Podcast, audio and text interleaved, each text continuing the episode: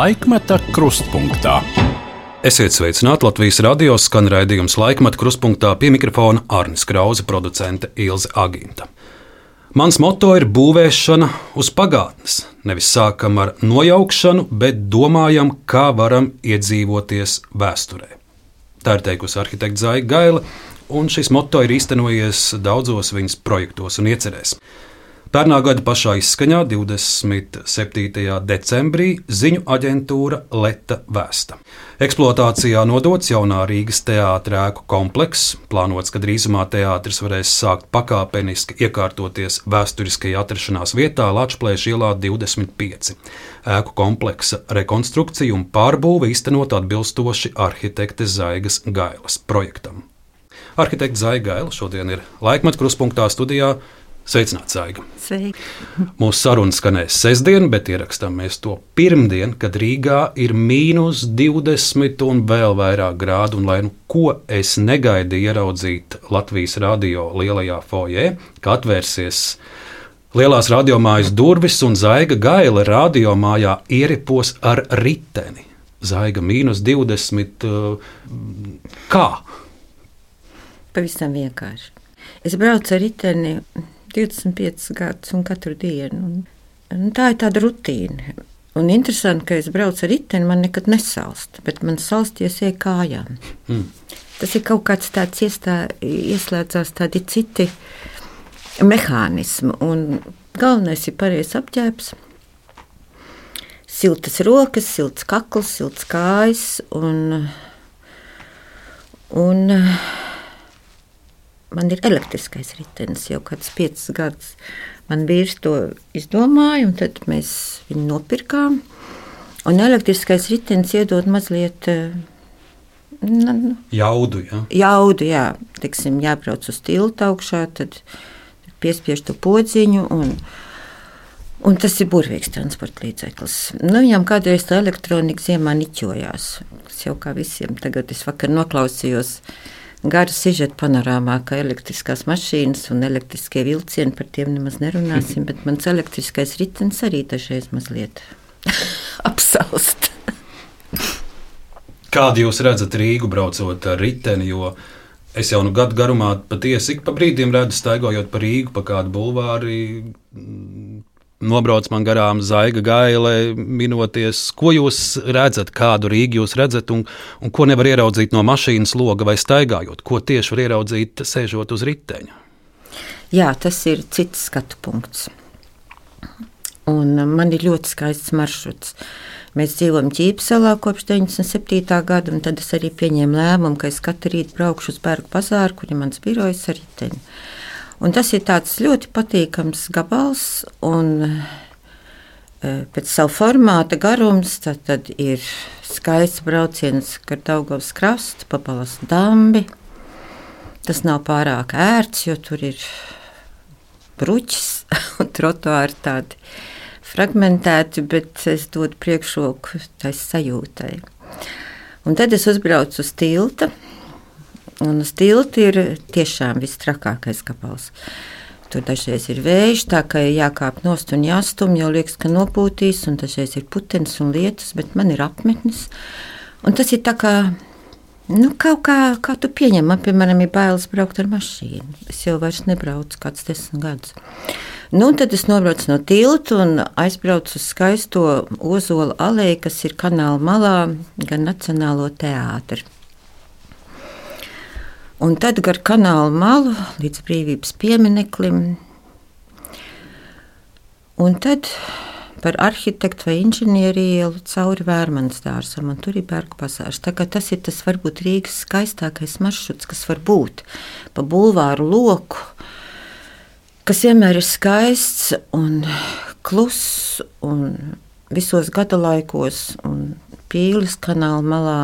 Un, Un tad es katru rītu arī, protams, sasveicinos ar brīvības pieminekli. Tas ir kaut kas izcils, ka mums tāds ir. Mums faktiski telniecība ir tik slikti, ka nav tā latviešiem tā sajūta ar telniecību, ka mēs tā mocamies. Ja mums kāds jauns piemineklis parādās, tad gandrīz ir bailes, kāds nu atkal būs. Bet brīvības piemineklis mums ir izdevies. Un tā ir sakoptākā Rīgas daļa.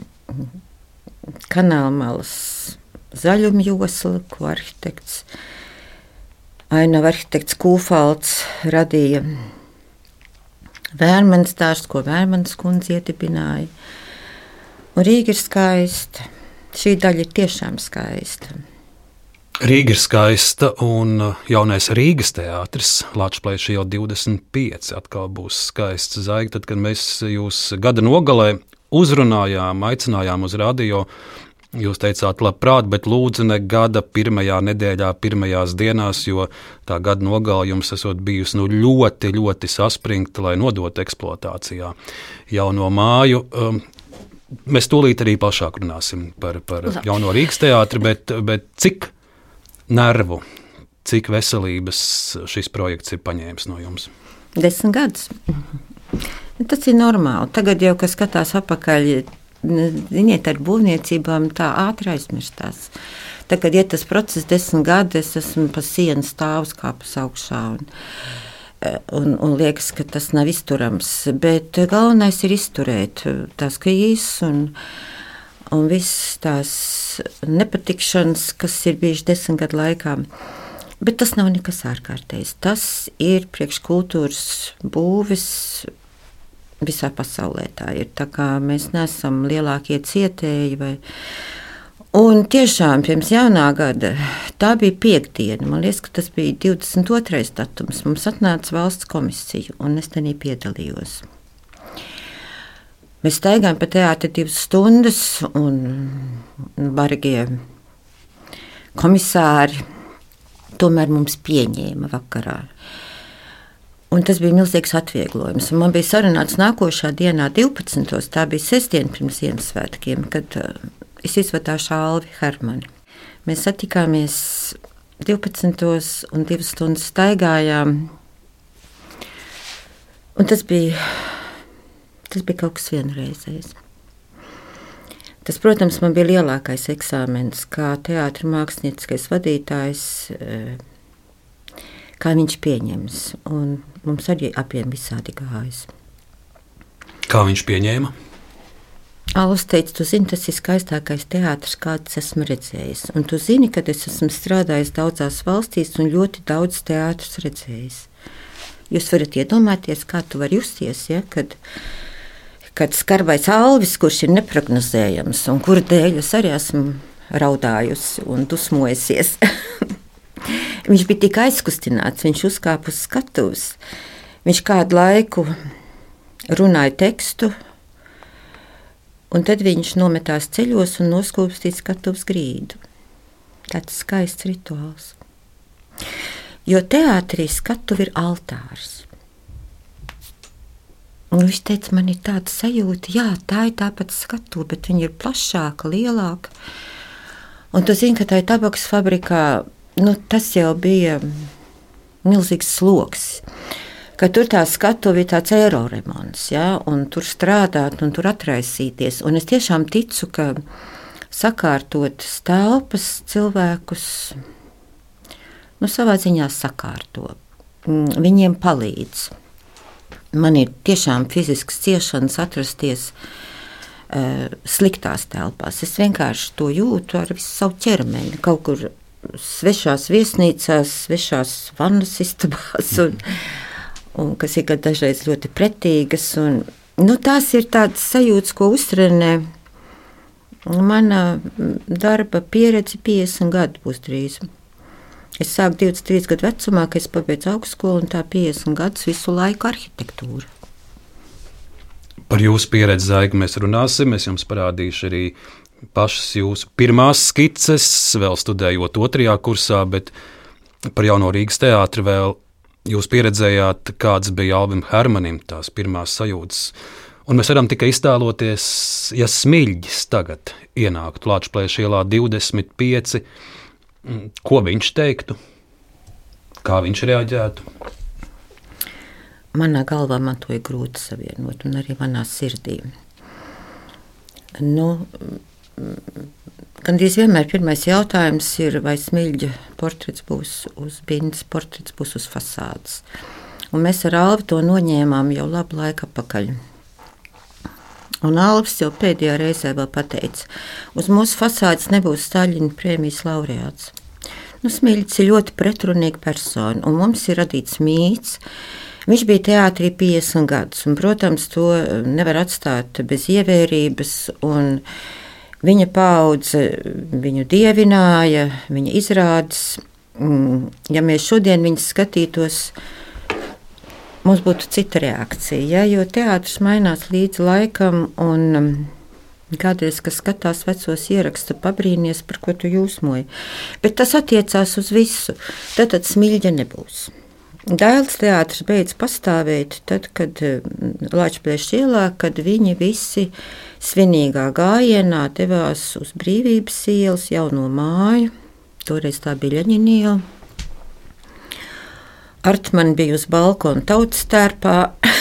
Mums ir vēl ir tie kadri, un, un ar kādu lielu pacilātību viņi devās uz jauno lielo teātri ar zāli tūkstošu vietām.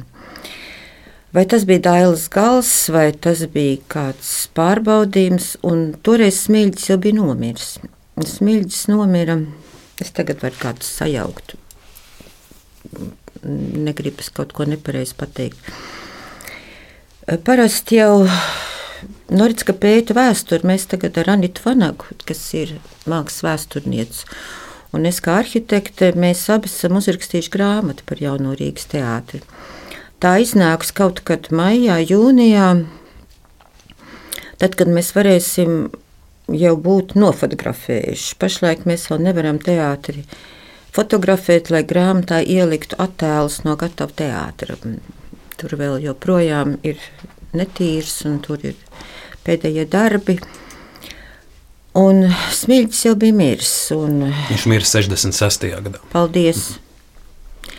Jā, bet pirms tam viņa jau padzina. Jā, mm, nu, viss padzina.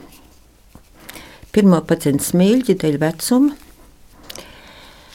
Tad viņa vietā bija Pēters Petersons arī viņu padzina. Tad bija Liniņš, un Liniņš arī padzina. Un tad, kad teātris pārvēr, pārcēlās uz Leņķinielu, tad uh, ienāca ja, uh, jaunatnes teātris, ja, un tas bija mūsu ikona. Adolfs Šapīro, mūsu ģeniālais. Viņi visi bija ārkārtīgi spējīgi cilvēki. Un tur ienāca latviešu trupa. Un Šapīro arī padzina. Un tad nāca 90. gadi, un tika nodibināts jaunais Rīgas teātris, jauna valsts, trakie 90. Pirmais direktors bija Rīnieks. Viņš iesāk ļoti interesanti, arī to mēs esam tagad izgaismojuši. Un 97. gadā Alvi Harmana apstiprināja par teātrus māksliniecisko vadītāju. Tātad aritmētika vienkārši arī 27. gadā viņš būs 30 gadus teātris mākslinieckais vadītājs. Kurā brīdī viņa padzīs, vai viņš pats aizies? es tikai varbūt mazliet ironiski jokoju, bet nekas nav mūžīgs. Un, ja skatās uz vēsturi, tad diezgan ātri var pārtraukt šausmināties par to, kā mums tagad iet, un tā nu gan nekad nav bijis. Bet zvaigznes nu jau par vēsturi var uzskatīt arī visu to procesu, kā jūsu iecerē pārtapa tajā projektā, kāds tas ir tagad. Ar dažiem arhīvu fragmentiem uh, nedaudz paskatīsimies, kā tad gāja ar visu šo atjaunošanas projektu. Pats pirmais būs sižets no Latvijas televīzijas, no panorāmas. Sižetam jau desmit gadu vēsture, tas tapis 2014. gadā. 2014. gadā sižeta autore Raika Ince Un te ir stāsts par to, ka valsts nekustamie īpašumi ir kļūdījušies aprēķinos par 12 miljoniem eiro. Rēķinot jaunā Rīgas teātra pārbūves izmaksas, un projekta autore, arhitekte Zaiga Gaila, secina, ka par sākotnējo summu var atjaunot kādu iepirkšanās centru, nevis tik sarežģītu būvi kā teātris. Zaiga palūkosimies uz aizskinta sižeta 2014. gada 19. maijā. Arhitekte Zaiga Gaile maketā rāda, kāds jaunais Rīgas teātris izskatīsies pēc četriem gadiem. Divu skatītāju zāļu vietā trīs. Ieja vairs nebūs no skaļās Lāčplēša ielas, bet gan pagalma. Saglabāta galvenā jaunā Rīgas teātra ideja, ka šis ir teātris māja. Tad iet uz smilģu māju pa labi un uz jauno daļu pa kreisi. Tā kā tāds jauns, kā pagalma daļa, būs jauns vestibils. Un mēs arī esam saglabājuši to smilšu uzparikti, kā lai citādāk viņi sauc. Tas ir tāds eh, trellers, eh, pa kura smilšs bija izgudrojis. Viņš bija būvinženieris pēc specialitātes. Un viņš bija izgudrojis, ka dekorācijas uz dekorāciju noliktavu transportē par tādu trīsi, lai nav jāmet. Un tas ir tik ārkārtīgi nu, tāda raksturīga pagalma zīme, kad uh, mēs arī izšķīrāmies to neiznīcināt un pārvērtām to par aktieru tiltu. Viņi var pāriet no vienas zāles uz otru, viņiem nav jāiet pa pagrabu vai pa āru. Pirms metu konkursa aģentūra valsts nekustamie īpašumi bija izrēķinājusi, ka provizoriskie būvizmaksu apmēri ir 854 eiro par kvadrātmetru. Pēc konkursa, kura žūrijā bija arī eksperti no Lietuvas un Igaunijas, izrādījās, ka vidējās viena kvadrātmetra izmaksas ir divas reizes lielākas. Sadārdzinājums ir par 12 miljoniem eiro, un kopā tāmi tagad sasniedz 20 miljonus eiro. Es 20 gadus strādāju rekonstrukcijas projektus. Un, tādu, par tādu naudu var tikai angāru uzbūvēt.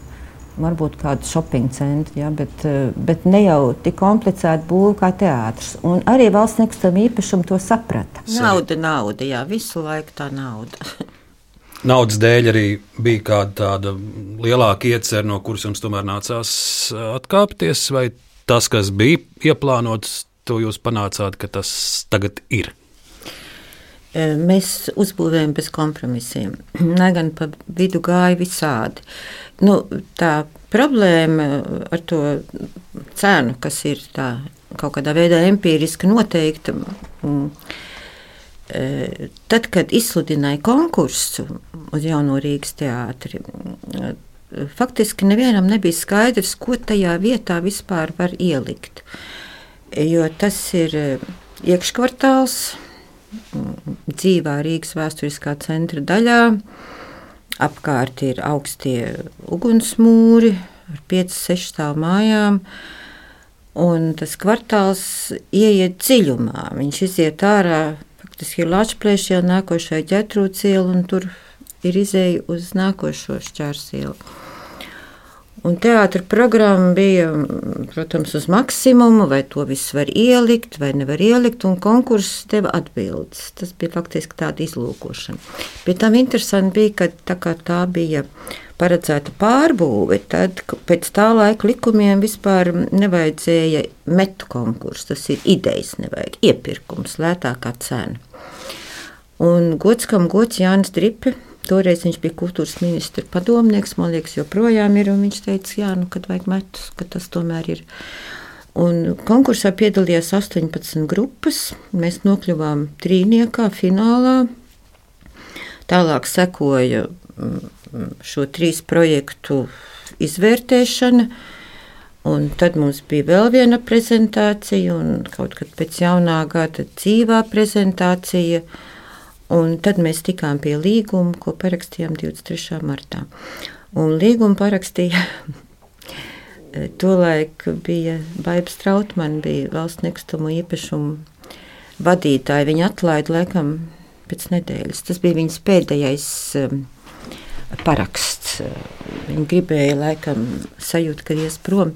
Mēs esam piedzīvojuši laikam septiņas valdes un valdes priekšsēdētājus. Tā kā valsts struktūrās ierēģi mainās. Jūs, Zaiga, teicāt, pa vidu ir gājis visādi, un no Latvijas radio, lai skan nākamais fragments no raidījuma kruspunktā, tas būs 2019. gada 15. jūlija raidījums. Es to ļoti labi atceros, jo es toreiz šo raidījumu vasarā vadīju, un es atminu, ka atvērās studijas durvis, jūs ienācāt, un, un, un žurnālistiem nav pierasts tā darīt, bet man gribējās piecelties no tā raidījuma vadītāja galda, pieiet jums klāt un jūs apķert un, un, un sabužināt, jo man likās, jūs bijāt nogurusi. Pārgurusi, bezspēcīga pret to visu birokrātiju un, un, un celtniecības uh, visiem šiem firmu priekšniekiem. Un, un tas, bija par to, ka vasarā ierasti ir aktīvākais būvniecības periods, taču mm, jaunā Rīgas teātra būvlaukumā valda pilnīgs klusums. Kādēļ šajā objektā jau krietnu laiku dīst, ir dīkstāv, par to mēs toreiz šeit studijā runājām, lai no 2019. jūlija raidījuma arī šodien skan mazs fragments. Es biju apsolījusies šeit uzvesties miermīlīgi, godīgi. Un es esmu dusmīga.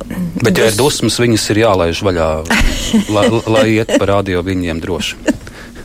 Nevajag krāt sevī dusmas. Es nezinu, tās ir lielās spēles. Ja, Parasti ap jebkurā valstī, jebkurā pasaules malā ap lieliem objektiem un pie tām tik nozīmīgiem kultūras objektiem, nemaz nerunāsim par mūsu mazo Latviju, ir lielas kaislības. Tās ir lielas naudas, tās ir augstas likmes. Projekts ir ļoti sarežģīts, tad iesaistīti ir, nu man vismaz projektētāja komanda ir vismaz cil simts cilvēki. Ja? Tie visi ļoti savstarpēji saistīti un būvnieki. Un es patiešām nesaprotu, kāpēc RR neķērās klāt ar milzīgu entuziasmu. Un, eh, nu, es, eh, mana kaislība ir būvlaukuma. Man pašlaik, piemēram, ir trīs būvlaukumi. Es redzu, kā džekiem spīd acis, kā viņi, ka viņi grib būvēt, un es, eh, Guntes, to neredzēju. Bet varbūt, kad es tiešām neesmu pilnvarota stāstīt par savām emocijām, bet es ļoti ceru, ka kaut kas mainīsies, un es redzēšu riktīgi večus, kam deg acis un kas grib būvēt. Lūk, nu, Te tā kā arī joks ieskanējās, bet patiesībā toreiz nu, tur galīgi prāts uz jokiem nenesās. Studijā bija arī uh, regrupas re valdes priekšsēdētājs Guntis Sāboltiņš, Āboliņš. Uh, šis bija arī tāds viens brīdis, kad, kad, kad, kad bija sajūta, vai nu, vai nu nekas nenotiks, vai, vai te ir lūzums, un, un, un kas, kā toreiz tas bija. Jā, tas bija laikam tā epizode pēc pāri skandāla. Jā. Nu, tā bija viņa vaina, mm -hmm. bet viņa to neatzina. Un, uh, man bija tāda pierādījuma uz rokas. Un, Nu, tad viss tā ņemšanās. Tie veči negribēja būvēt. Faktiski tas bija viens no tiem karteļa epizodēm. Jā, bija sarunāts jau. Tagad tas viss ir skaidrs. Mēs atvērām aploksnes vējnī, un tur ir trīs pretendenti ar ļoti līdzīgām cenām. Uh, Un bija sarunāts viņa starpā, ka RR dabūšu šo objektu. Un tad, kad viņš viņu dabūja, tad uh, viņam vajadzēja vairāk naudas uzreiz. Jau viņi sāk būvēt un sāka valsts nekustams īpašums tur bombardēt ar savām vēstulēm un pretenzijām, un nebūvē, nebūvē, nebūvē. Un tad jā, bija tas pāri skandāls, Un tiešām pagāja labs laiks, kamēr valsts nekustam īpašumu ar viņiem lauz līgumu. Un tur mēs vēl bijām pie ekonomikas ministra un kur ellē mēs visur bijām. Visās politiskās spēles tas bija ļoti, ļoti nepatīkami. Un no šī raidījuma vēl viens uh, citāts. Jūs uh, toreiz teicāt, ka pēc Maksima traģēdijas ir milzīga birokrātijas plūdi, pasūtītājs un celtnieks ir apkrauti ar papīra kaudzēm. Tā mēs savu valsti esam padarījuši par ierēģu un papīru valsti. Arī tāds bija toreiz jūsu secinājums. Nu, šogad prezidents ir uzstādījis mērķi, ka mēs tagad samazināsim birokrātiju. Jo ir aizgājis acīm redzot līdz, līdz maksimumam, un nekur mūsu valsts uz priekšu netiek. Nu, mēs taču redzam, ja? nu, pa visām līnijām. Uh, Un, jā, viņi tik sapīti. Un, nu, man šis teātris modelis desmit gadu garumā, kā valsts pasūtījums, tas viss tur ir pilnīgi tādā kā uz skatuves teātrī. Es redzu to. To tiešām ierēģi nespēja pieņemt lēmumus, un skaņot, un baidīties. Un kā mēs ar to tiksim galā? Nu, tur, ko tad nu pat intervēju? Kuru ministru. Eh, kā cīnīsies ar birokrātiju un kā to visu var izmainīt. Bet birokrātija visā pasaulē, tas jau ir Eiropas Savienības birokrātija. Ir. Mm. Tāds laiks. Tāds laiks, bet eh, jaunais Rīgas teātris, atjaunotais teātris ir tapis Alans Kārmans, to jau redzējis, un arī mēs pārējie gaidīsim šādu iespēju. Zaiga raidījuma turpinājumā vēl dažādas dzīves epizodes un pieredzējumi, varbūt arī tādas epizodes, kas jau ir pagaisušas vai aizmirsušās. Un, eh, Kā nākamo es sākšu vienu radiofragmentu no 1995. gada oktobra, Un, un, un tas ir senākais ieraksts, Zaigi, jūsu balss, kas šeit Latvijas radiofonotēkā ir saglabājies.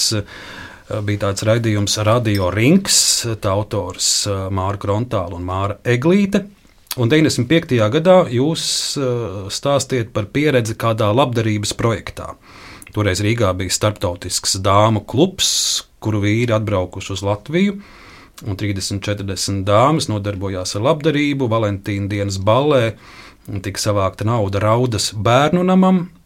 Savāca 8000, bet vajadzēja vismaz 20, jo ļoti daudz ko tur bija ko darīt.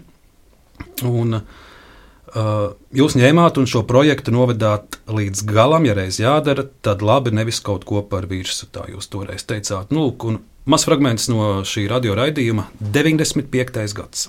Latvijā ir šausmīgs toalets. Saka jau, ka toalets ir tautas kultūras līmeņa rādītājs. Tas vismaz ir par manu līniju, par arhitektūras līniju.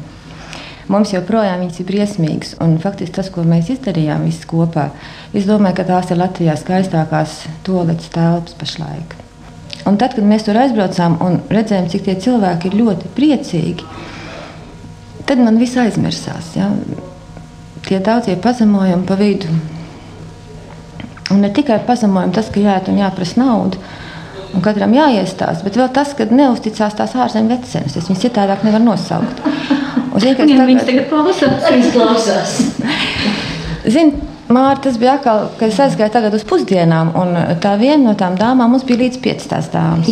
Viņas redzēja, kā tas ir izdarīts, un viņas saprata, kur tā nauda ir aizgājusi. Bet tagad tā viena uzņēma video, un mēs nu tagad ēdam pusdienas Redisona hotelī tur, un, un atkal ir jaunas sejas. Un, Jaunas dāmas, un ir nomainījušās, un viņas noskatās to filmu. Tagad divas man tādas cerams klāt. Vispār viss nāk un pateicās, un, un cik jauki un tā un tā. Mhm. Tagad viena no Kanādas, otrs nezinu, no kurienes tur. Jā, nu atkal sāks viss tas pats. Nu, nē, nu, tas nevar būt, ka 20,000. Un kas tur bija? Un tagad gandrīz viņi man pieprasa dokumentus. Es saku, jā, man viss grāmatvedība ir. Jūs varat nākt un man pārbaudīt. Es nezinu, tu zini, ka ne jau tas, bet tas, ka nu, es tomēr esmu ministra prezidenta kundze. Viņa nav nekas pret mani. Atbraukusi kaut kādam biznesmenim, kaut kāda sieva. Un ja viņi var atļauties mani apvainot, es tomēr esmu kaut kāda persona savā valstī. Ja? Mm -hmm. Un varbūt savā valstī, savā Kanādā, viņa tāda līmeņa sievietē ne tuvu netiek. Bet šeit viņa ir atbraukusi uz to provinci, uz to austrumu, kur viņa dzird, ka visi zog un visi laupa un ir tikai mafijas. Un viņi var atļauties man tā apvainot. Es jutos trīs reizes, es vispār skrēju no ārā pa visu šo laiku, no istabas, un, un, un, un raudāt es neraudāju, bet es biju tik dziļi aizvainoti no tās viņa neusticības. Jo, ja viņi var iedomāties, ka manā līmenī var kāds kaut ko bāzt kabatā vai, vai jo es faktiski esmu ieguldījis kādus tūkstošus latus personīgi. Šis tāds garāks fragments, bet viņš bija tik krāšņs, ka, mēs vēlējāmies viņu to šodien nospēlēt no 95. gada. Jūs toreiz esat ministru prezidenta kundze, bet šis arī raksturo to 90. gadu sākumu un, un, un um, daļas ārzemnieku attieksmi, kā viņi uz mums skatījās. Protams, tik daudz pazemojumu uz katru soļu.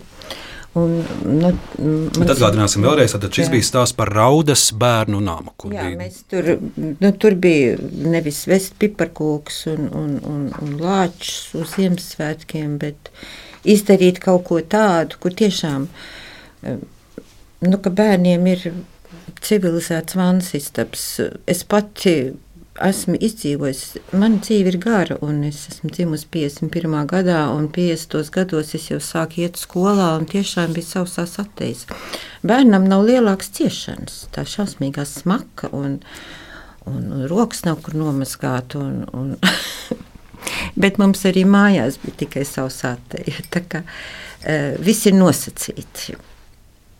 Jā, un tie pazemojumi bija. Un tas bija arī laiks, kad eh, brauc trimds tautieši, kuri pats par sevi saprotams, kad viņš ir no bagātas valsts, viņš te brauc pie tiem šaubīgajiem komunistiem. Ļoti daudz pazemojumu. Bet tas ir apusēji. Mēs jau arī bijām ļoti komplekšaini, ļoti ievainoti, ļoti bailīgi. Un to visu jūs pieredzējāt, un arī to attieksmi bieži vien. Ja? Jā, tas ir aizmirstās, bet, eh, protams, tā tas bija. Un pat no maniem radiem. Man ir ļoti daudz radu ārzemēs. Un, un tā izdegunība. Bija tas standarts, kādas dāvanas viņi veda. Man rāda zobu pirstas, trauklupats, kožļājumās gumijas.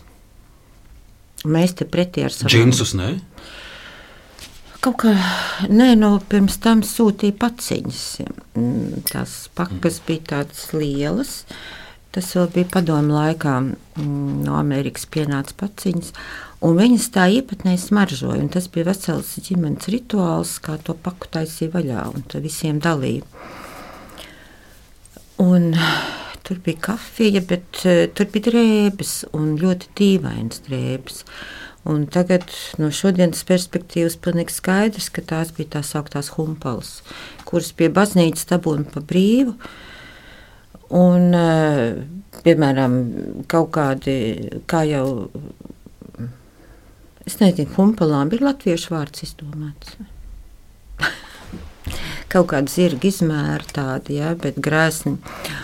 Un, um, mēs jau bijām iemanījušies. Es mācīju šūt, man bija, es biju spiest iemācīties šūt, tad atkal izārdi, audums ir labs. Un uzšuju sev kaut ko tādu interesantu. Bērniem sev, un es atceros, tēvam sūtīja pletkreklus. Tēvs no valkā aprots beigts, apaklīt beigt, tad es izārdu, tas ir ļoti labi kokvilni, un tad man bija labs blūzs.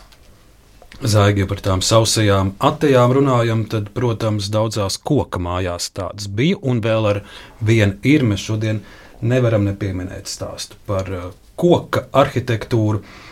Nākamais fragments būs no Latvijas televīzijas, no panorāmas 2001. gada septembris. Sižeta autorā Ikīnca. Viena no Latvijas arhitektūras pērlēm, koka arhitektūra, pilnīgi nepelnīti ir aizmirsta vai atstāta novārtā, lai gan tā ir visas Eiropas bagātība. Ar šādu atziņu sākās organizācijas Eiropa Nostra fórums koka arhitektūra pilsētās. Un toreiz, 2001. gadā, šo fórumu svinīgi atklāja Dānijas princis un arī tā brīža valsts prezidenta Vairvīģa Freiberga. Fragments no panorāmas. Koka ēkām ir sava aura, sava dvēsele. Šīs mājas elpo un ir dzīves, pa to trepēm kāpuši neskaitāmi soļi, bet sienas bijušas liecinieces gadsimta notikumiem. Diemžēl Latvijā koka mājas ar savu vienreizīgumu nespēja stāties pretī ērtajiem sadzīves apstākļiem, ko piedāvā ķieģeļu un dzelzbetonu daudzstāvu dzīvojamās ēkas. Dzīvot koka mājās nesot prestiža, tāpēc Āgenskalnu un Maskavas Forštats vecajās koka mājās dzīvo cilvēki, kas bieži cīnās ar nabadzību un viņiem nav līdzekļu ēku remontam. Cilvēki dzīvo joprojām ļoti sliktos apstākļos, ar sausām toaletēm, un uh, ar tikai augstu ūdeni un bez vannas istabām. Un tas ir tikai nākotnes jautājums. Un, lai visi kopā kaut ko darītu ar pašvaldībām, un ar valsti un, un ar likumdošanu, sabiedrībai ir jāizglīto. Koka celtņu vienreizība un to, ka tās ir neatņemama Eiropas ziemeļdaļas arhitektūras sastāvdaļa, atklājot vērienīgo fórumu, uzsvēra Dānijas princis konsorts Henriks. Viņš ir arī Eiropas starptautiskās arhitektūras un dabas pieminekļu aizsardzības organizācijas Europa Nostra prezidents. Europa Nostra wants to draw attention Eiropa Nostra vēlas pievērst uzmanību tieši koka arhitektūrai, parādot tās vienreizējo šarmu un nozīmi koka mantojuma saglabāšanā. Valsts prezidente, uzrunājot 250 fóruma dalībniekus no visas Eiropas, teica, ka koku arhitektūru skāruši gan kara, gan miera laika notikumi, ugunsgrēki. Nams nav audzējis laika zops. Viņa pati bērnību pavadījusi koka mājā. Kad mani vecāki devās uz operu un atstāja mani vienu mājā, es dzirdēju mājas dažādos trokšņus un čīkstoņus un domāju, ka tā izklausās spoku soļi. Tādas vairs Vīts Freibergs atmiņas par koku māju. Koku mājas tiešām viņas ir dzīves, viņas var arī uh, sarunāties vai, vai kādas tādas skaņas raidīt. Es esmu aizkustināta. Paldies par šo video. Viss ir bijis. Un, nu, Koka mājai vienmēr ir cilvēku mērogs, tradicionālai. Tagad arī Skandināvijā būvē septiņu un desmit stāvu mājas. Nu, tas ir kā tas ir tāds mākslīgs veidojums. Un vienmēr viņai nevar būt vairāk kā divi stāvi, un tas ir cilvēku mērogs. Un vienmēr ir smarža. Mūsu bērnu bazāra biroja, ko mēs atjaunojam 2000. gadā, tā māja ir apmēram 200 gadu veca. Un, un katru rītu atverot durvis, ir uh, smarža un čīkst kāpnes. Un es atceros, ka tieši Vīķa Freiberga teica, kā viņa kāpa pa kāpnēm, un tās kāpnes čīkstēja. Mēs izdarījām lūzumu ar šo konferenci. Tā bija pilnīgi mūsu inspirācija. Tātad, kas bijām mēs? Berga bazārā bija, mēs ievilkām iekšā Dānijas kultūras institūtu kopā ar Rika Helms, kas toreiz bija nopietna figūra Latvijas kultūrā. Un Ieva Laukers, Bergu dzimtas mantinietis, kas arī dzīvoja jau Berga bazārā, mēs trietā šo iesākām. Uh, un Rika Helms uzaicināja uz Rīgu Eiropa Nostra viceprezidenti Katarīnu Kolin, Kolit, Kolin, Kolit, uh, kura bija dāniete. Viņas bija pazīstamas. Um, Katarīna Kolita bija arī Dānijas karalienes galma dāma. Nu, Eiropa Nostra organizācija tika dibināta 60. gados, kad domājošā, aristokrātiskā, eh, izglītotā jaunā paudze sāk protestēt pret eh, kultūras mantojuma iznīcināšanu. Tātad tas ir modernisma postošais vilnis, pēckara laiks, kad vajag būvēt ātri, lēti, un ka mantojam nav, nav vērtības. Ja? Cilvēki aiziet tik tālu. Ja? Tas nojauc milzīgs kvartāls. Un tad, kad viņi atbrauc pie mums, tas pirmais, ko es atceros, viņi teica, lūdzu, neatkārtojiet mūsu kļūdas. Jo paradoxāli, ka tai padomju iekoncentrētajā laikā, kad nebija naudas, nevienam nebija intereses, un cilvēki kā viņi dzīvoja, tā viņi dzīvoja, mums bija neparasti saglabājies koku mantojums. Tie ir milzīgi skaitļi, veseli kvartāli. Bet pie mums jau var viņus nojaukt. Tur, kur viesnīca Latvija, vai tur, kur tagad ir Dailas teātris, tur es senās bildes skatos, tur bija skaistas koka nu, mājiņas, tie, mājas. Tie ir tie 60. gadi, tāpat tās kā Eiropā. Ja? Jā, tad, kad būvēja Dailas teātris, viena rokas vēziena, man liekas, tur bija kāds 40 koku māju kvartāls, ārkārtīgi vērtīgs. Uh, un arī es arī piedzīvoju, kad vēl nebija uzcelta viesnīca Latvija, un tur bija tāds piena restorāns. Mēs gājām ar māmēs saldējumu. Tam nebija vērtības. Tās vecās būtnes jājauc nos, bet nu, no te, tad, kad Eiropa nodibināja, viņi sāka šo cīņu. Tagad mēs esam, es domāju, tādā pareizā balansā pašlaik. Nu, vienmēr ir ekstrēmi, ja, kad nu, par katru cenu saglabāt katru graustu vai atkal visu noplēst. Jā, un šī konference bija lūzums, tāpēc, ka mēs dabūjām šo Eiropas kultūras aristokrātiju Rīgā.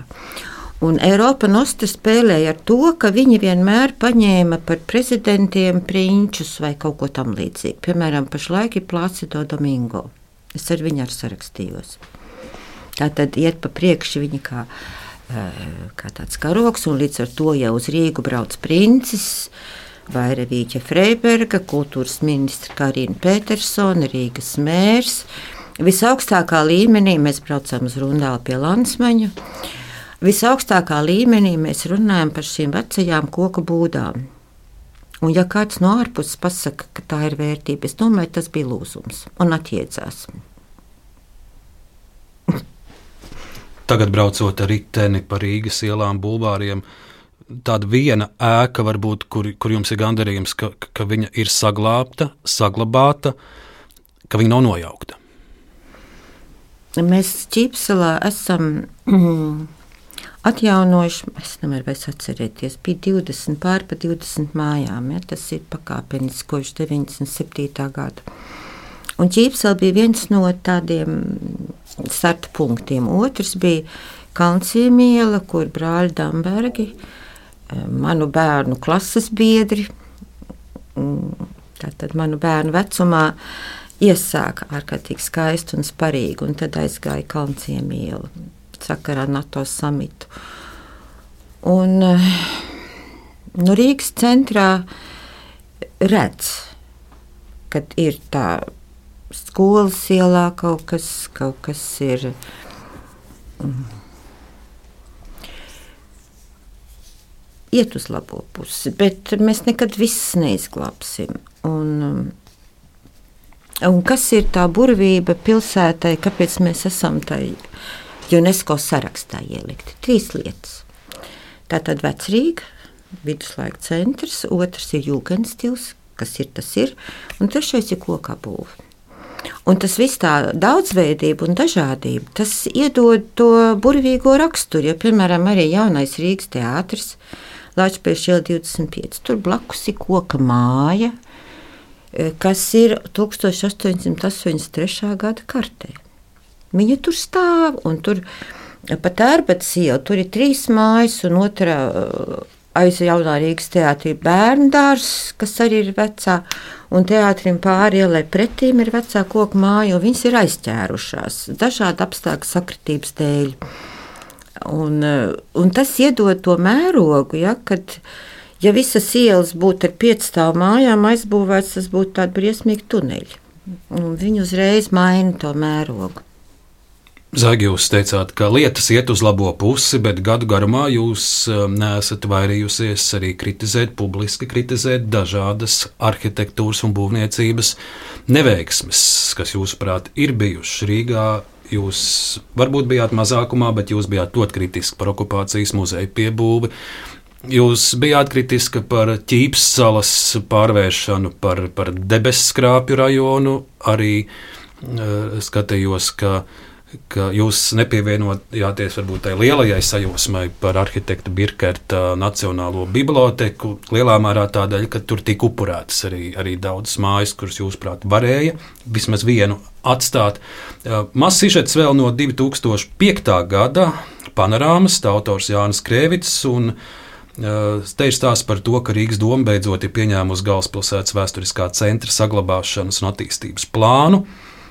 Un, uh, Plāna trūkums līdz tam nebija liedzis centrā parādīties desmitiem jaunu ēku, no kurām lielākā daļa neatbilst tam priekšstatam, kādai būtu jābūt labai arhitektūrai. Un Jānis Krēvits aptaujā dažādus arhitektus par to, kā Rīga būvējās 2000. gadu sākumā.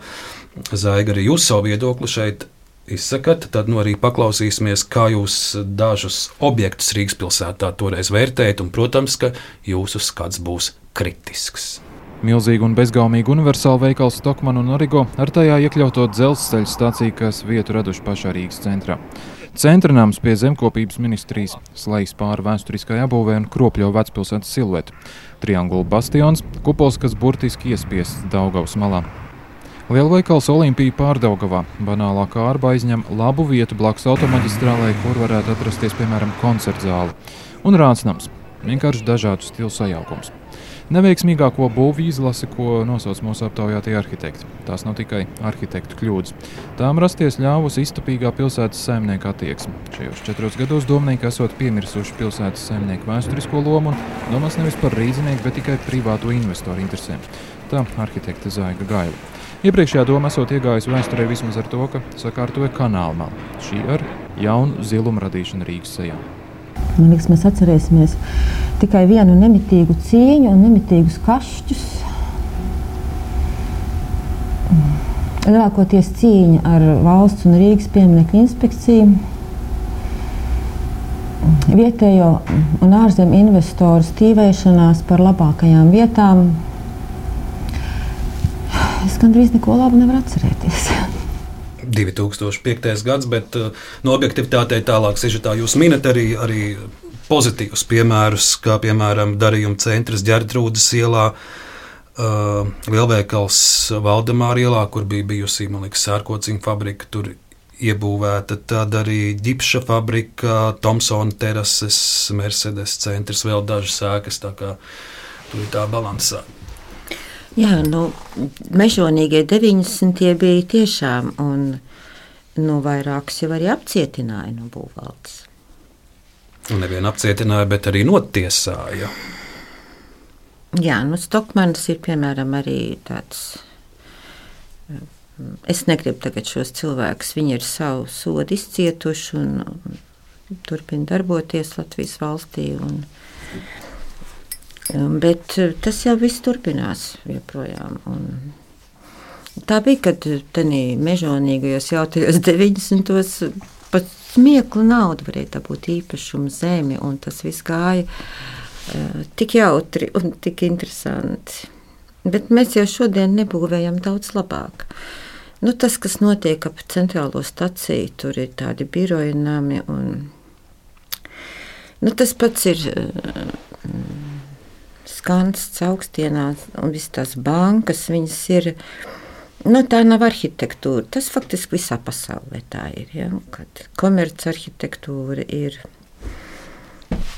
Tā ir būvniecība, tā, tur nav arhitektūras pazīme. Bet tur skanstē par tām jaunajām mājām tiek teikts, ka viņas tagad ir superenergoefektīvas, un, un tas ir tas 21. gadsimts, kā, kā ir jābūvē.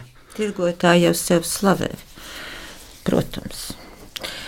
Jā, tur ir ļoti neglītas mājas. Un vispār ar tām skanstēm tur bija maz dārziņu. Tā ir ļoti nelabvēlīga vieta dzīvošanai.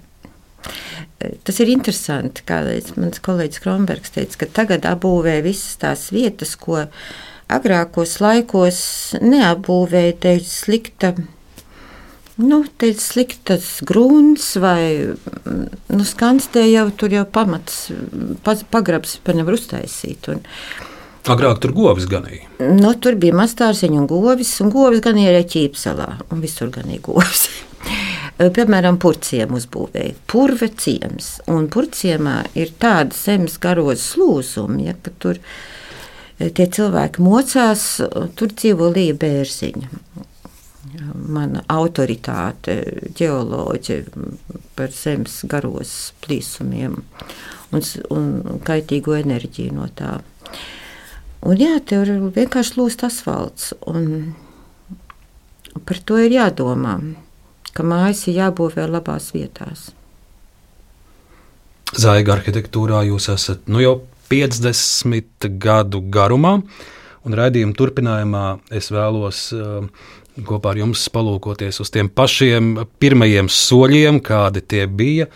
Uh, Pati pirmā publikācija, kur uh, tiek pieminēta Zaiga Gaila, toreiz Zaiga Smiltēna, ir 1972. gadā un uzreiz jau laikraksts Literatūra un māksla.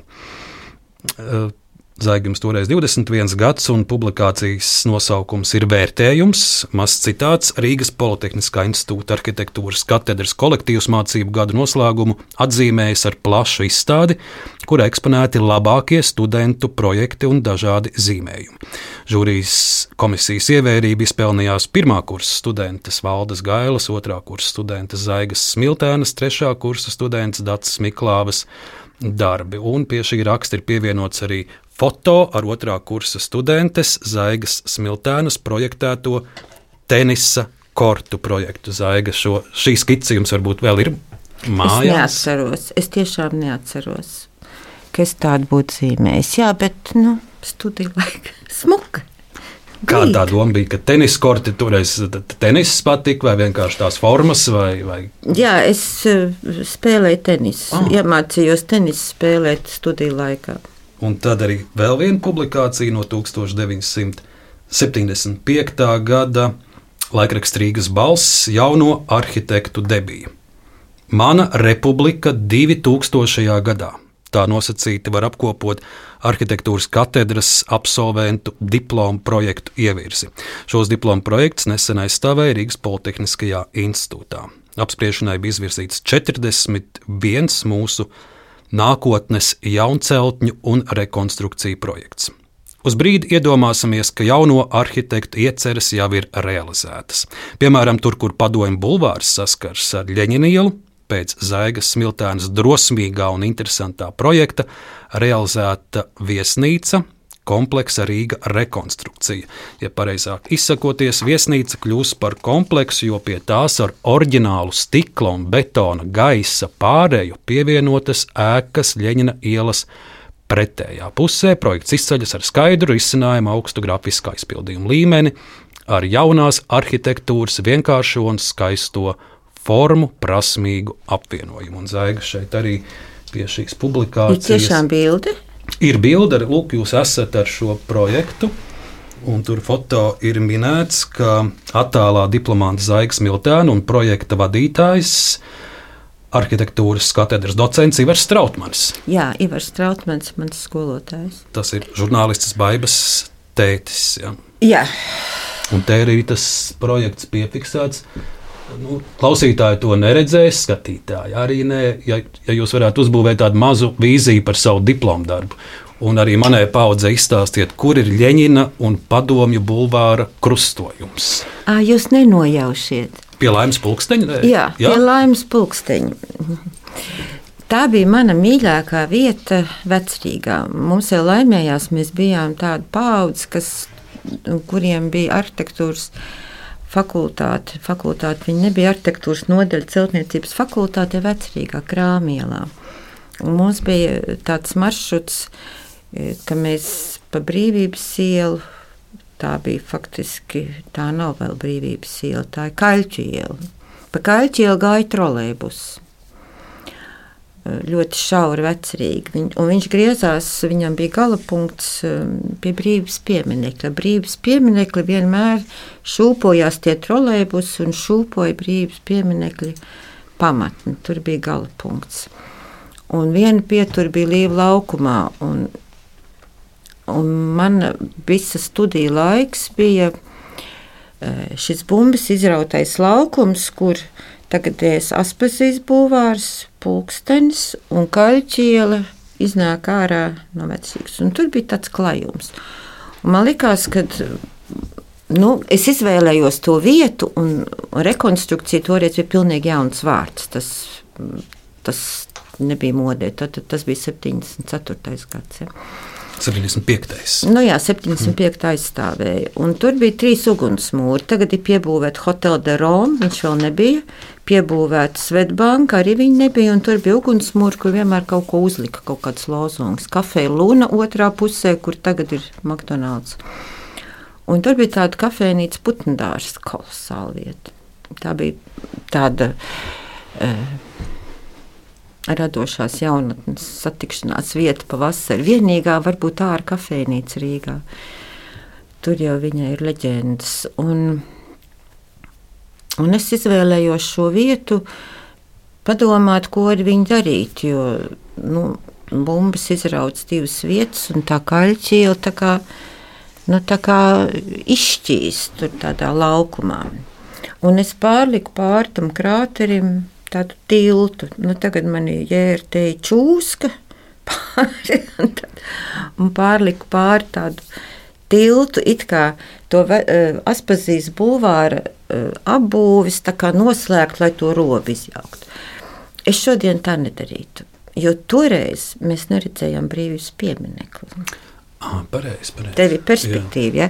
kad tu nāc pa kaļķīlu, viņš jau ir uz asas uz brīvības ielas asas no Daugomals. Un, un es tur aizliku to bombu priekšā. Bet, nu, papakšu. es joprojām lepojos ar savu diplomu darbu. Un tā kopš tā laika vārds rekonstrukcija ir visos manos projektos. Tāda krunga. Vēl vienu jūsu projektu paskatīsimies, jo tas ir dokumentēts arī uh, Kino žurnālā 1983. gads, tas varbūt tāds mazs ievads 80. gados. Jūs strādājat kā arhitekte kolhozā Padomu Latviju. Mūsdienās tā, tā ir Mārupa vai kā? Vai? Nē. Tur vairs nav kolhozas. Tā, tā tas vieta, ir piņķi.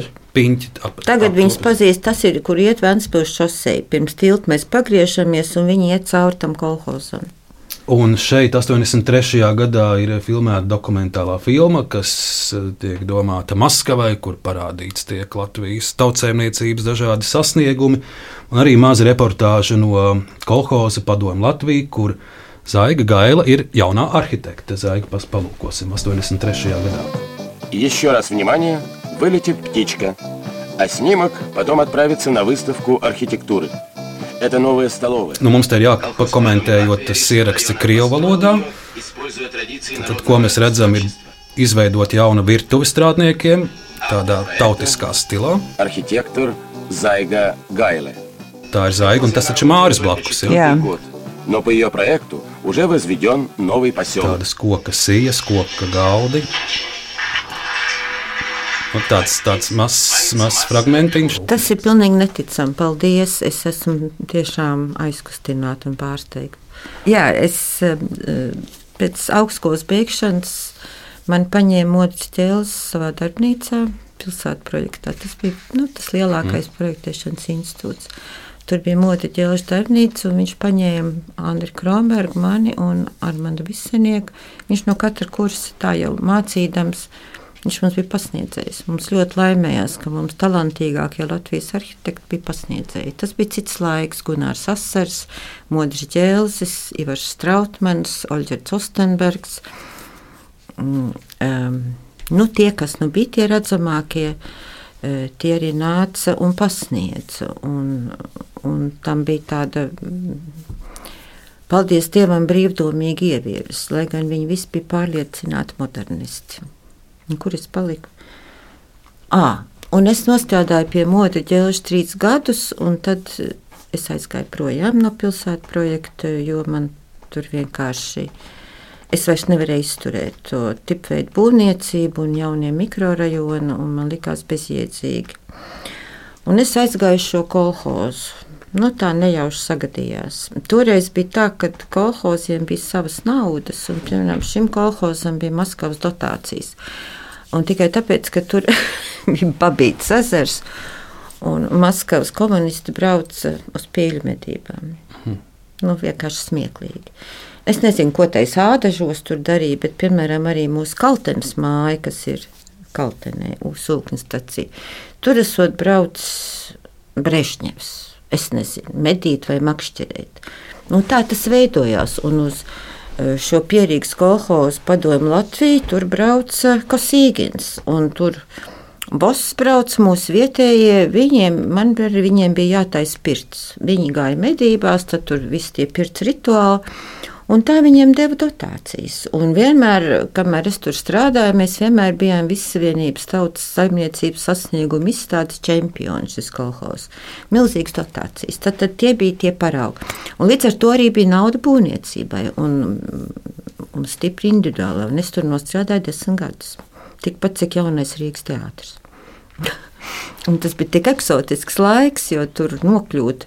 Bet es tagad skatos arī šī 83. gada šī kolhoza ēdnīca. Nu, nu, tāda iespējams bija vienīgā Latvijā, Protams. jo atceroties tās visas tipveida, kādas bija šeit ar tautiskiem elementiem, ar guļbaļķiem, ar, ar, ar koka. Guļbaļķi nav tas ir koks sīs, nu viens sakot, es uztaisīju ar virsgaismu lielo zāli vecā kūtī. Tā tā ir vecs kūts pārbū, un man tā laimējās, ka es aizgāju tur un un uzreiz bija viena veca ķieģeļa kūts jāpārtaisa. Un ar šo projektu es nokļuvu Maskavā, jā, mūs izvirsīja Vissavienības jauno arhitektu izstādi, kur es dabūju trešo godu algu, un pēc tam ar Vissavienības jauniem arhitektiem bija kaut kādi 40 no katras republikas divi. Mēs bijām Sofijā uz Interarku. Tā bija tāda Eiropas izstāde, nu arī tādā sociālistiskā valstī, kur jā, šī kūts bija. Un Maskavā tad rādīja šo, šo manu projektu, un, un es runāju arī centrālā televīzijā. Tik smieklīgi.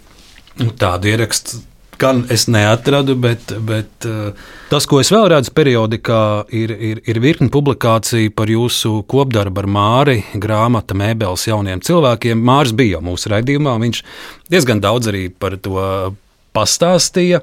Bet eh, cik es redzu tās eh, skices, kas bija žurnālos eh, publicētas, nu, tur bija nu, manā saprāšanā pat kaut kāda aizmetņa. Man tie saistās ar IKEA mēbelēm, arī kā tagad liek, kad, kad salīdzinoši vienkārši, praktiski, kā jaunam cilvēkam iedzīvoties savā, savā dzīvoklī. Tā ir ikoniska grāmata jau kļūst. Es, man bija lepnums, ka viņai bija 30 gadu jubileja, Gustavs Strēnga, viņu, viņš laikam bija kurators, tā izstādē simts Latvijas grāmatas, un bija šī grāmata izstādīta. Nu, kā tāds fenomens, kad padomu laikā, un pēc tam arī šī grāmata tika izstādīta Eiropā. Tur bija tāda Eiropas jaunība, kuri apskatīja, nu, kā tādi nākotnes aizmetņi parādās Nu, teiksim, kā pašam izgatavot mēbeles un kā pašam iekārtot savu māju. Un mēs dabūjām visas iespējamās prēmijas par šo grāmatu. Tātad Baltijas prēmija un Latvijas prēmija. Un tad Maladāja gvardija, jaunā gvarde, padomjas Savienības izdevniecība pārtulkoja krievisku un izdeva viņu arī Krievijā 100 tūkstoši eksemplāros. Nu, tie mums ir tādi neticami skaitļi. Ja? Tas bija kopdarbs ar Māriju. Jā, mēs apprecējāmies. Mārim bija, nu, viņam bija galdniecības iemaņas, un viņš to labi darīja. Un, kad mēs iepazināmies, viņš jau bija kaut kādas mēbeles sataisījis pats sev. Tā mēs kopā sākām.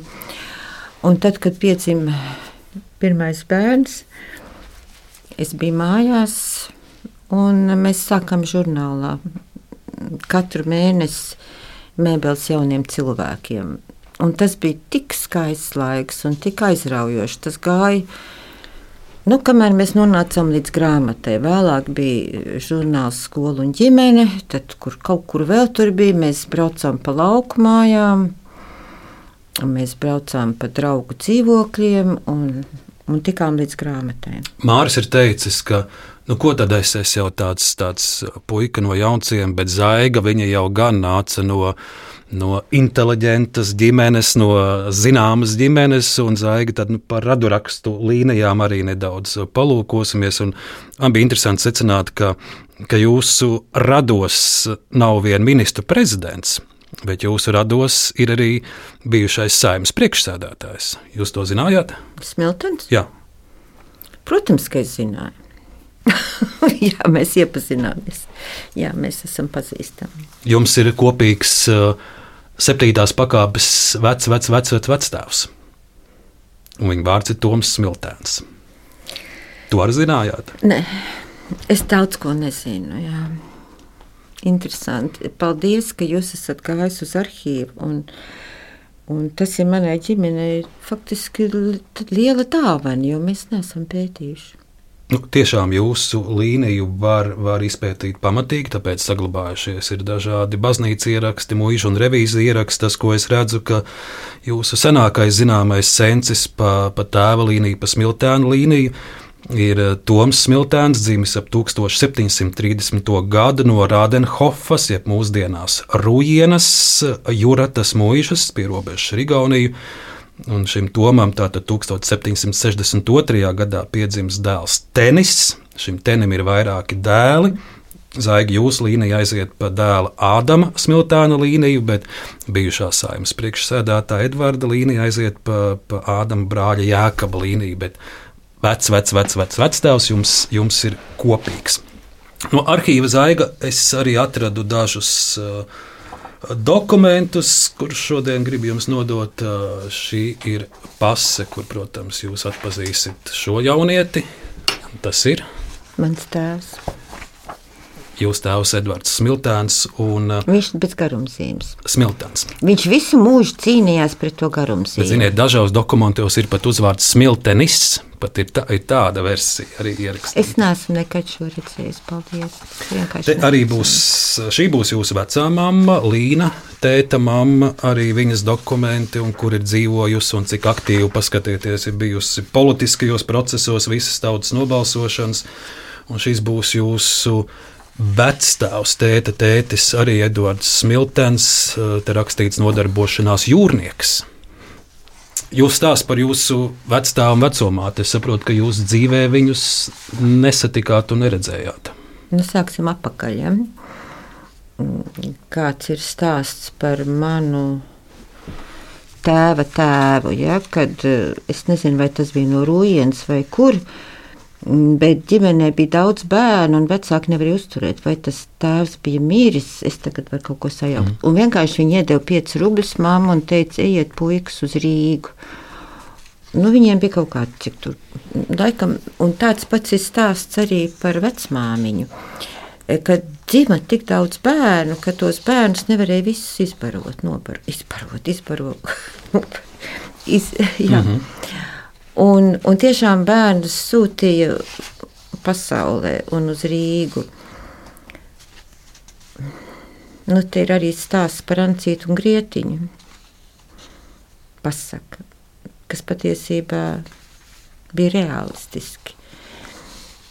Kad bija tā, ka bērni ir pa daudz un bada gadi, un, un vecāki labprātīgi bērnus sūtīja no mājas prom. Un mans tēvs kopā ar savu laikam brālēnu, viņi atnāca kājām uz Rīgu un aizgāja uz ostu, pieteicās par kuģu puikām. Un tā mans vectētiņš uzkalpojās līdz jūras skolai un kļuva par tālbraucēju kapteini Edvards Smiltens. Un, kā tālbraucējs kapteinis, viņš bija Cariskās Krievijas flotē, un viņi stāvēja Odessā, Jāņos. Un, uh, viņš aizgāja Jāņos uz tādu latviešu sajietu, tur, kur viņš satika manu vecmāmiņu Līni. Tā ir šī, kas ir priekšā, ja jums Līna Smiltēns dzimusi Kārkliņa otrā dokumentā. Jā, Līnu satika Līnu, es vienkārši tas ir mm. fantastiski, ko jūs esat izdarījis. Un Līnai ir līdzīgs stāsts, kad arī liela ģimene, vai tur bija tēvs mirs vai kā, un arī tās meitenes, meitas vajadzēja fierēt no mājas ārā. Un viņu atsūtīja uz Rīgu vecāki. Bija tāda aģentūra, kur jaunas meitenes varēja pieteikties Krievijā par mājas skolotājām. Acīm redzot, viņas bija izglītotas un nežēlīgi, bet viņa aizbrauca uz Odesu, kur viņa strādāja par mājas skolotāju.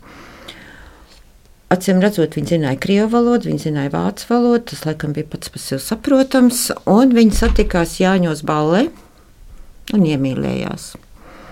Un vēlāk apprecējās, jo tēvs bija iebraucis ostā un tā vecmāmiņa.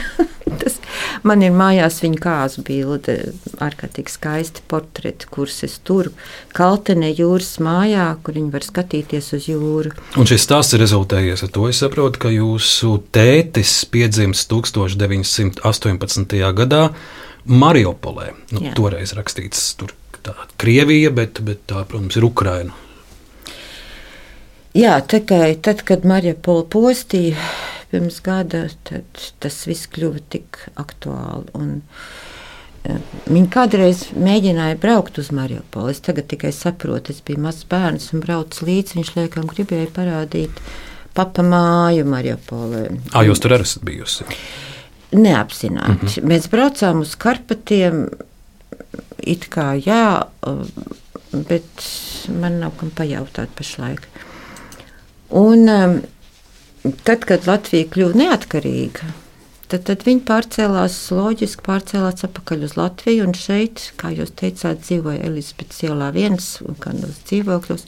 Un tad viņi nopirka Anniņu mūžā māju un uzbūvēja koku māju. Kura man padomu laikā tās brauc no jūrmālas, brauc garām, rādīja, tā bija mana papa māja. Es neko nesapratu. Anniņu mūžas iela 44. Paldies! Arī. Un te ir tas bēdīgais stāsta beigas, ka tā māja joprojām stāv. Un, um, tad, kad iestājās neatkarība 90. gados, tad Amerikas rada bija klāta. Nu, tagad ir īpašums, man piedāvāja 25 dolāru, 25 tūkstoši dolārus, lai es to māju izremontēju, atjaunoju, uztaisīju projektu.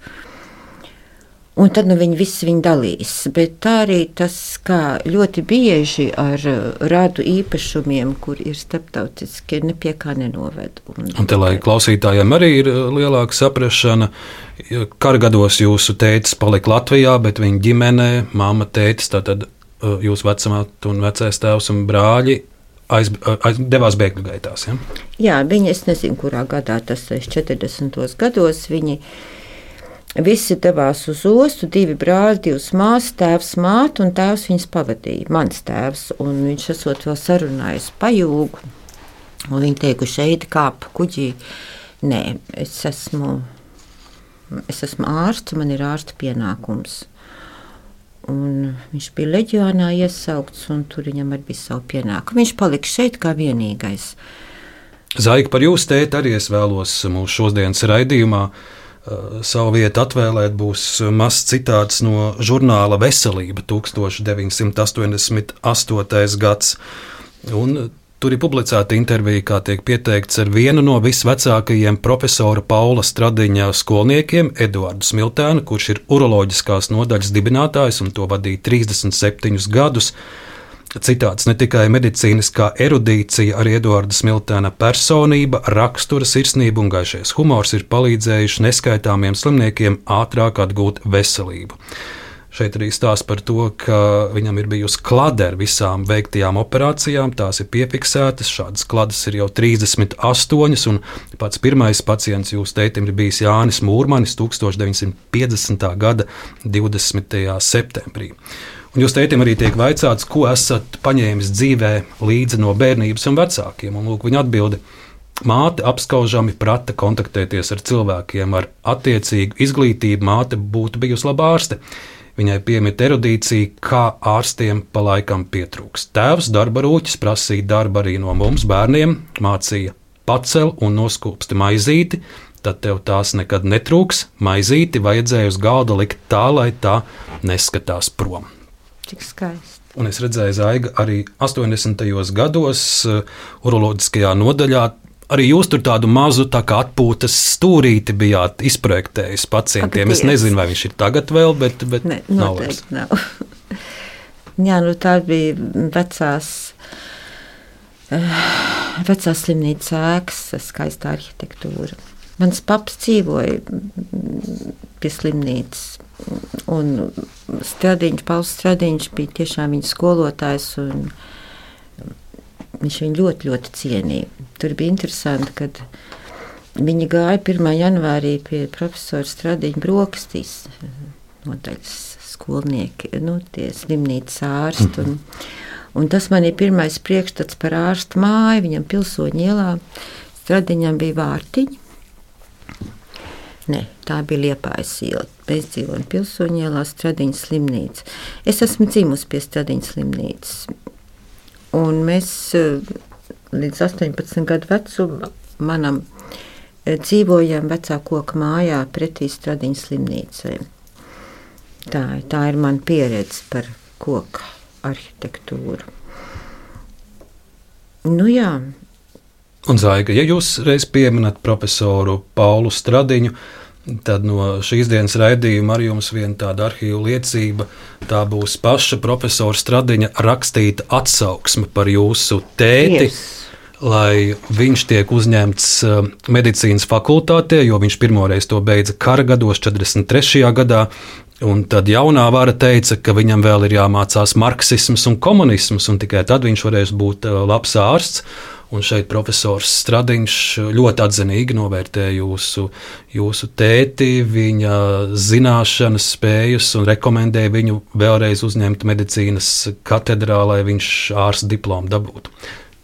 Šāda liecība jums bija? Nē, man nav ne mazākās jausmas. Tas ir kaut kas sevišķs. Paldies. Paldies. Nu, te zaiga vēl virkni dokumentu. Būs jūsu tēta lūgums vēl Umaņa laikos, lai viņu uzņemtu medicīnas fakultātē.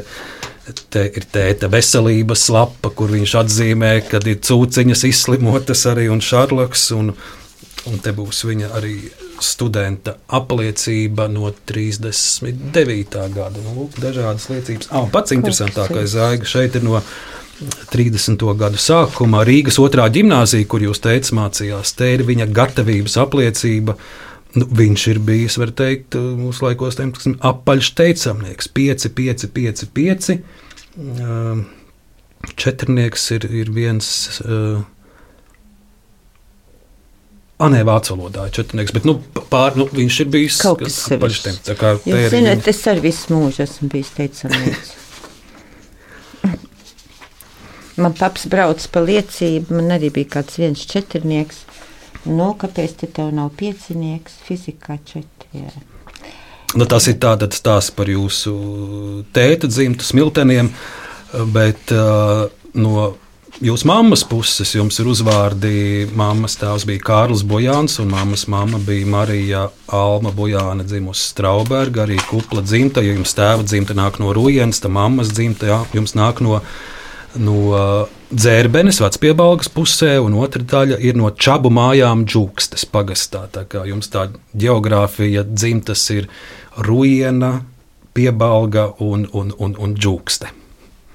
Pa jūsu vēl vienu vecāku līniju, mammas tētis Kārlis Bujāns, un 33. gadā laikrakstā Latvijas atrodu tādu palielāku aprakstu par viņu, lūk, arī ar jūsu vecāku Kārļa fotografiju. Un te ir stāsts par to, ka viņš ir darbojies Latviešu lauksaimnieku ekonomiskajā sabiedrībā, bijis agronoms Pirmā pasaules kara laikā cieši līdzdarbojies bēgļu apgādāšanas organizācijās, pēc Latvijas dibināšanas darbojās Tukumā kā valsts zemju inspektors un zemes ierīcības komitejas priekšsēdis.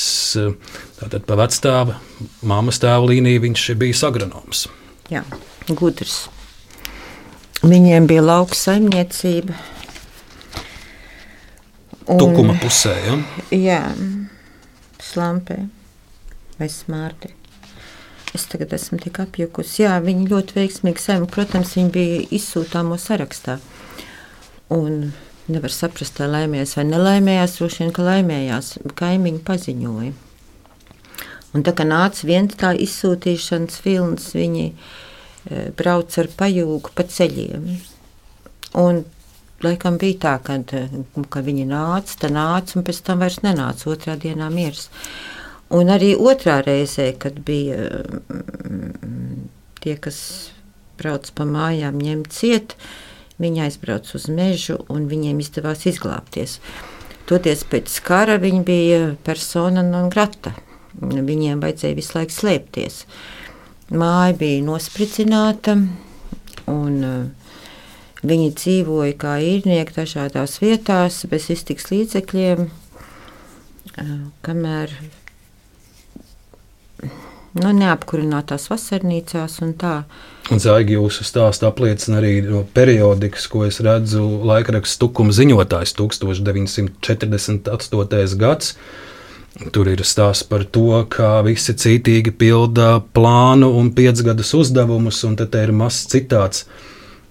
Kārlis Bujāns Kalna zīvertos nav nodevis kolhozam pietiekami daudz sava meža Budži traucē pārējiem cīņu par Staļina piecgadi. Nu, droši vien pēc šāda teikuma avīzē tur, tur Sibīrija faktiski deg un galā jau.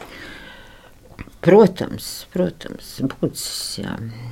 Nu jā, un tad viņi beig beigās mani vecāki rūpējās par viņiem, un tēvs no savas algas kaut kā izkombinēja un sāka būvēt mājas seros, kur kur viņiem dzīvot.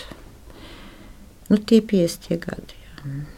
Un es arī kā bērns atceros, kā to māju būvēju. Mēs ar māmu gājām lasīt ieģeļu pusītes. Māma, savam, māma gribēja studēt klasisko filoloģiju, viņa neņēma, tāpēc, kad aizdomīgs izcelsmes buģu meita.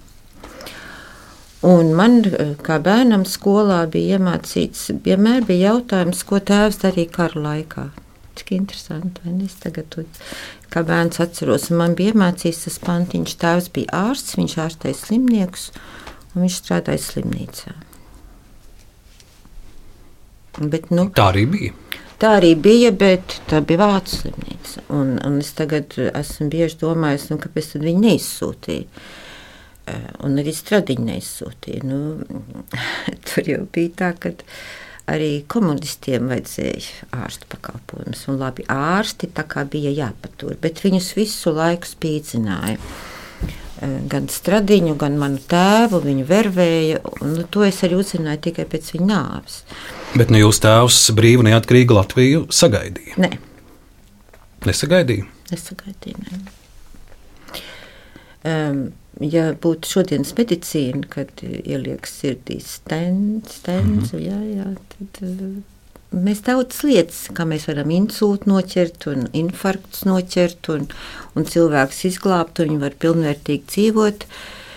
Uh, bet toreiz nebija tādas uh, spējas. Tāpat tās kā arī man tēva uroloģiskajā nozarē, cik brīnišķīgi. Viņš bija pirmais, kas sāka skaldīt akmeņus Latvijā. Un kopā ar BF inženieru Leo neatceros, kā viņam bija vārds. Viņa ir nu, radīja akmens skaldāmo mašīnu Latvijā. Viņš aizstāvēja arī disertāciju. Eh, pirmo disertāciju viņš aizstāvēja Grūzijā, jo Grūzijā arī mm, ir uroloģija ļoti attīstīta. Un, eh, un otro disertāciju viņam izgāzās doktora disertācija Maskavā, un tad viņš arī e, sabruka. E, jā, nu tie stāsti ir traģiski, grūti un ar laiku jau tu pie tā pierodi, kas bija manas bērnības problēma, kad vecāki ar maniem nebija atklāti. Un es nesaprotu, kāpēc ķēķi un ar draugiem iecer vīnu un runā vienu. Un, bet viņi tiešām baidījās, un man tagad nav nekāda pārmetuma. Kad nu, tas bērns varēja skolā izrunāties, un, un tu biji apdraudēts nepārtraukti. Tēva izsauca sanitāru aviāciju uz Daugaupili. Jūs zināt, kas ir sanitāra aviācija? Nu, tā bija Stradiņas slimnīca, vienmēr ir bijusi visvairāk specializētā slimnīca visās nozarēs, ķirurģija, uroloģija. Un sanitāra aviācija, kad kāds cilvēks ir kaut kur jāved ar lidmašīnu ārsts viņam, lai viņu glābtu. Un viņu aizved uz Daugopilu, un tur viņi sāk vervēt. To man tikai māma pēc viņa nāves izstāstīja. Un tas jau ir tik šausmīgi, ja, ka tev ar to krustu jādzīvo. Bet zināt, kas ir lielākā, ekscentriskākais stāsts no manas tēva biogrāfijas? Ir, kad ārstēdams komunistus un, un, un, un darba varoņus, viņa pacients bija arī Andrejs Upīts. Andrejam Upītam bija kāda kļūda, ka viņam bija uroloģiska problēma, kas ir ļoti nērta.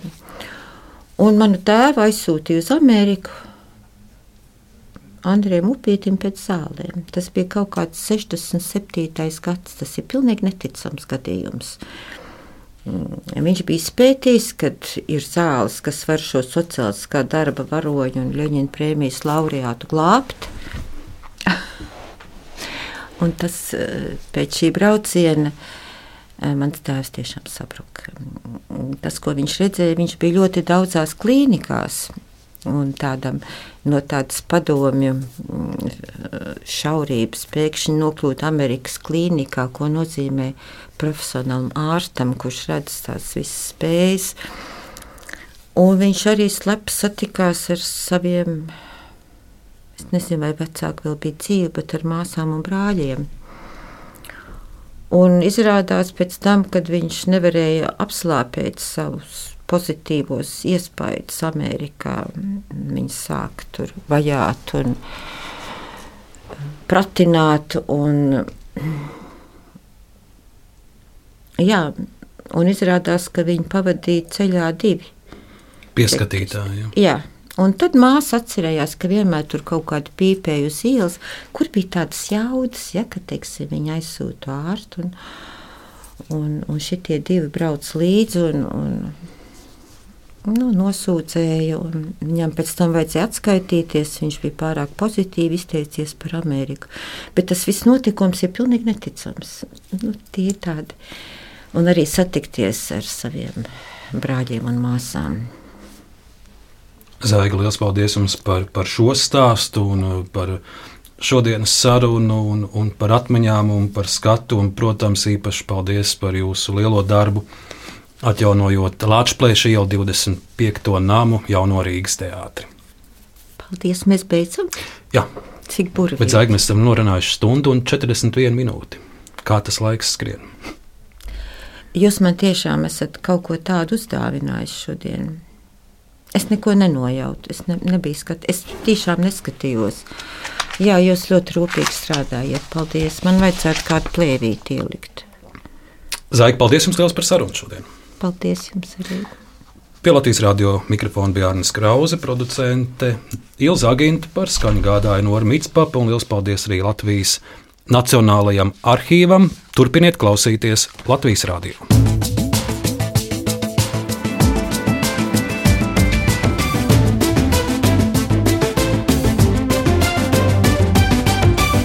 Laikmeta krustpunktā.